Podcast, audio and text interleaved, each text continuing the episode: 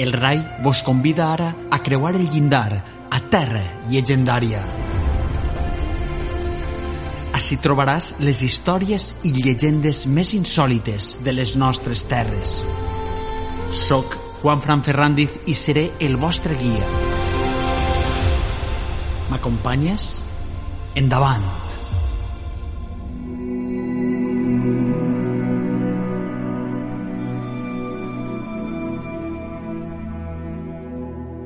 És fàcil que en qualsevol visita que feu a algun dels nostres pobles valencians que compte amb museu etnològic trobeu exposades eines antigues dels oficis del camp, la ramaderia o de la mar, que han quedat per al record de les generacions vinents. Però segur que no trobareu cap museu que ens parle d'altres oficis, d'oficis misteriosos que s'han perdut, fets per gent encara més estranya, i d'això no fa tant de temps. Fins al segle XIX, eixos oficis dels que parlarem formaven part de la vida quotidiana als nostres pobles.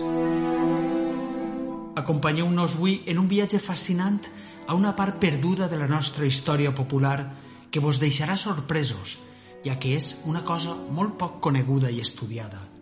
Les nostres terres sempre han estat recorregudes per gent amb oficis insòlits, màgics, diríem, oficis i activitats que ara pareixen impossibles, però que formaven part de la vida quotidiana d'abans i, a més a més, tenien una important funció social i sanitària en temps i territoris on la medicina o la farmacologia oficial no estava a l'abast de tothom.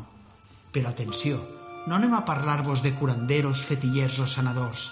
Eixa és una classificació massa simple, sinó d'oficis, com ara veurem. Un dels més importants fins al segle XIX va ser de saludador. En aquest cas, la paraula no ve de saludar, sinó de donar salut, és a dir, de sagnar. Es tractava de certa gent que amb la saliva, certes paraules i llançant l'alè eren capaços de sagnar certes malalties i la més important era la ràbia, tant en animals com en humans.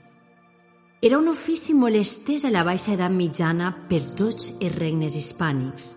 Els saludadors tenien unes característiques molt especials. A les nostres terres havien nascut la nit de Nadal o de Sant Joan. En altres llocs eren també el sèptim fill, o ser el major de dos fills bessons. La cosa és que no sols sagnaven gent o animals mossegats per un rabiós, sinó que podien prevenir d'eixe mal tant al ramat com a les persones. El que resulta més extraordinari d'aquesta especialitat de sanadors és que el seu poder no venia del dimoni, com d'altres fetillers, sinó que era un do, una gràcia, i durant segles va ser un ofici amb molt de prestigi.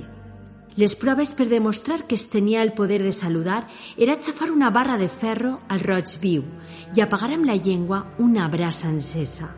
Ara bé, hi ha un detall que s'ha perdut.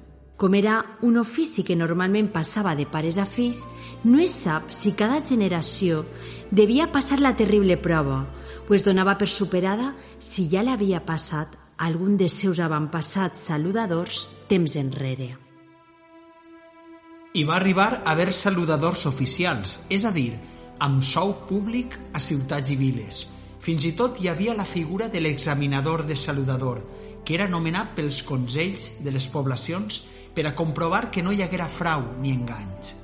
Així de seriosa i professional era la cosa.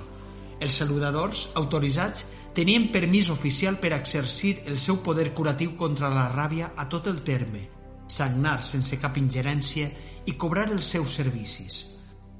A més a més, va ser una activitat admesa per l'Església que veia en eixe poder una cosa útil – de manera que també els bisbes examinaven els saludadors per a comprovar el poder i expedien llicències eclesiàstiques per exercir amb l'ordre als rectors que no permeteren l'activitat a cap saludador de la seva parròquia si no tenia la convenient llicència. Com veiem, la ràbia era una cosa molt seriosa i era considerada una qüestió de salut pública. Davant la manca d'altres tractaments, els saludadors eren considerats essencials en tots els territoris. I és important dir que també hi havia saludadores, i tenim un cas a la població d'Enguera. El 1631, Josefa Medina devia acreditar una llicència per exercir de saludadora que li havia concedit l'arquebisbe de València. I seguim pel nostre Museu d'Oficis Estranys i Misteriosos amb una altra dedicació professional, però aquesta és un poc més desagradable. Es tracta dels xucladors. Segons la tradició popular, són nascuts el dia de Sant Judes i tenen més poder si han nascut a les hores fosques. Poden curar tota mena de ferides, per infectades i gangrenoses que estiguen, però la manera de fer-ho era xuclant la mateixa ferida. I sembla que el sagnador mai es veia perjudicat per aquesta repugnant activitat.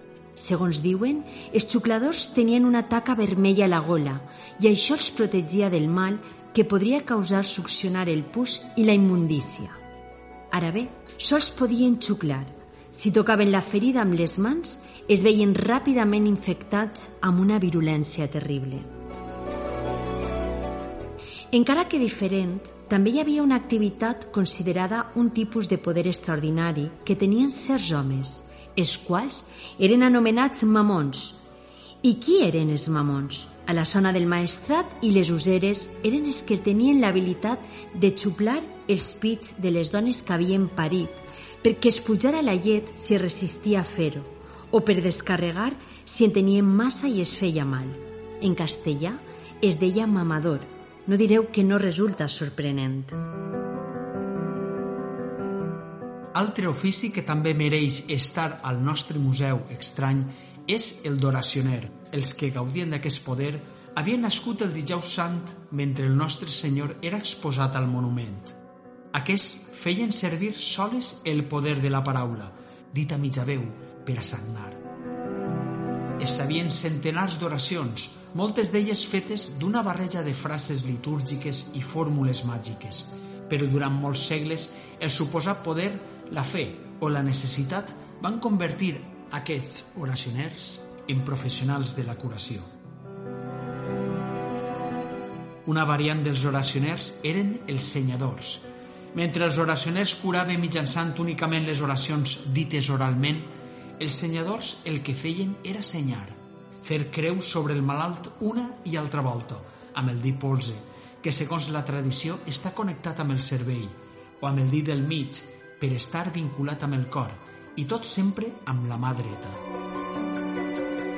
Altre ofici insòlid que coneixíem bé els nostres avantpassats era el de trencador. El que fan és trencar les malalties amb certes oracions. Això sí, sols una sèrie de dolències concretes, com són les angines, el mal de ventre, l'enyorament i alguna cosa més. Però la característica essencial dels trencadors és que no cal tocar el malalt, sols que un tercer els visite i els indique a qui deuen sagnar i la malaltia. Ells, pel seu compte, fan els rituals per curar, fins i tot sense veure mai al malalt. Alguns deien estar sota la protecció d'un sant i per això el pagament era una part per a ells i altra un cetri d'oli per a cremar-lo davant del sant. Sovint el protector era Sant Mauro. Per totes les terres del Mediterrani també es coneixien uns poderosos sanadors, anomenats els setens. Eren el sèptim fill o filla si tots els anteriors tenien el mateix sexe, és a dir, el sèptim fill de set fills o la sèptima filla de set filles. Era una cosa tan remota i extraordinària que tenien un poder enorme. Solien fer-se saludadors perquè el ferro al roig viu no els cremava i sols tocant podien sagnar els rabiosos. I si encara voleu un ofici més insòlit i increïble, tenim el de els endevinetes, que tenien el poder de veure a través del cos humà com si fos transparent, com si tingueren raigs X, o també el podien veure nu encara que portara roba, i tot només graduant la mirada a conveniència. Encara que us sembli l'ofici més estrafolari dels que m'he esmentat, vos he de dir que avui, al segle XXI, existeixen els endevinetes, encara que ja no tenen tal nom, però nosaltres en vam conèixer una meravella. Del suposat poder no podem dir res, però aparentment va localitzar sols amb la mirada l'ubicació exacta entre vèrtebres on estava localitzada una hernia discal i en ser preguntat va respondre amb naturalitat que obeïa. Desconcertant, veritat?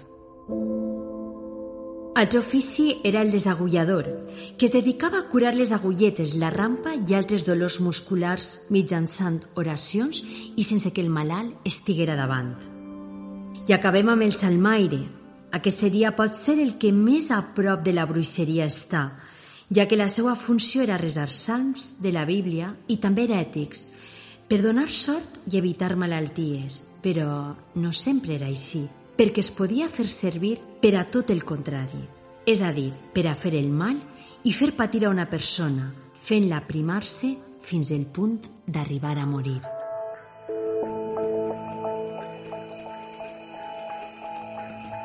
Sense dubte, cadascun d'aquests curiosos oficis mereixeria més temps per a tractar d'entendre bé la seva funció i la importància que va tenir per a la societat antiga.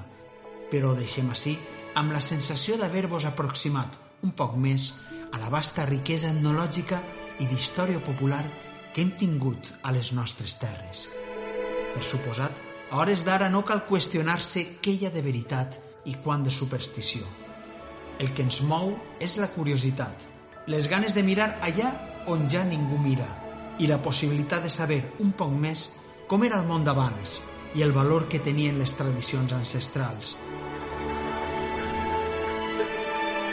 Esperem que aquest museu d'oficis estranys us hagi sorprès i vos hagi deixat amb més ganes de seguir fent aquest apassionant recorregut setmanal per la nostra terra llegendària.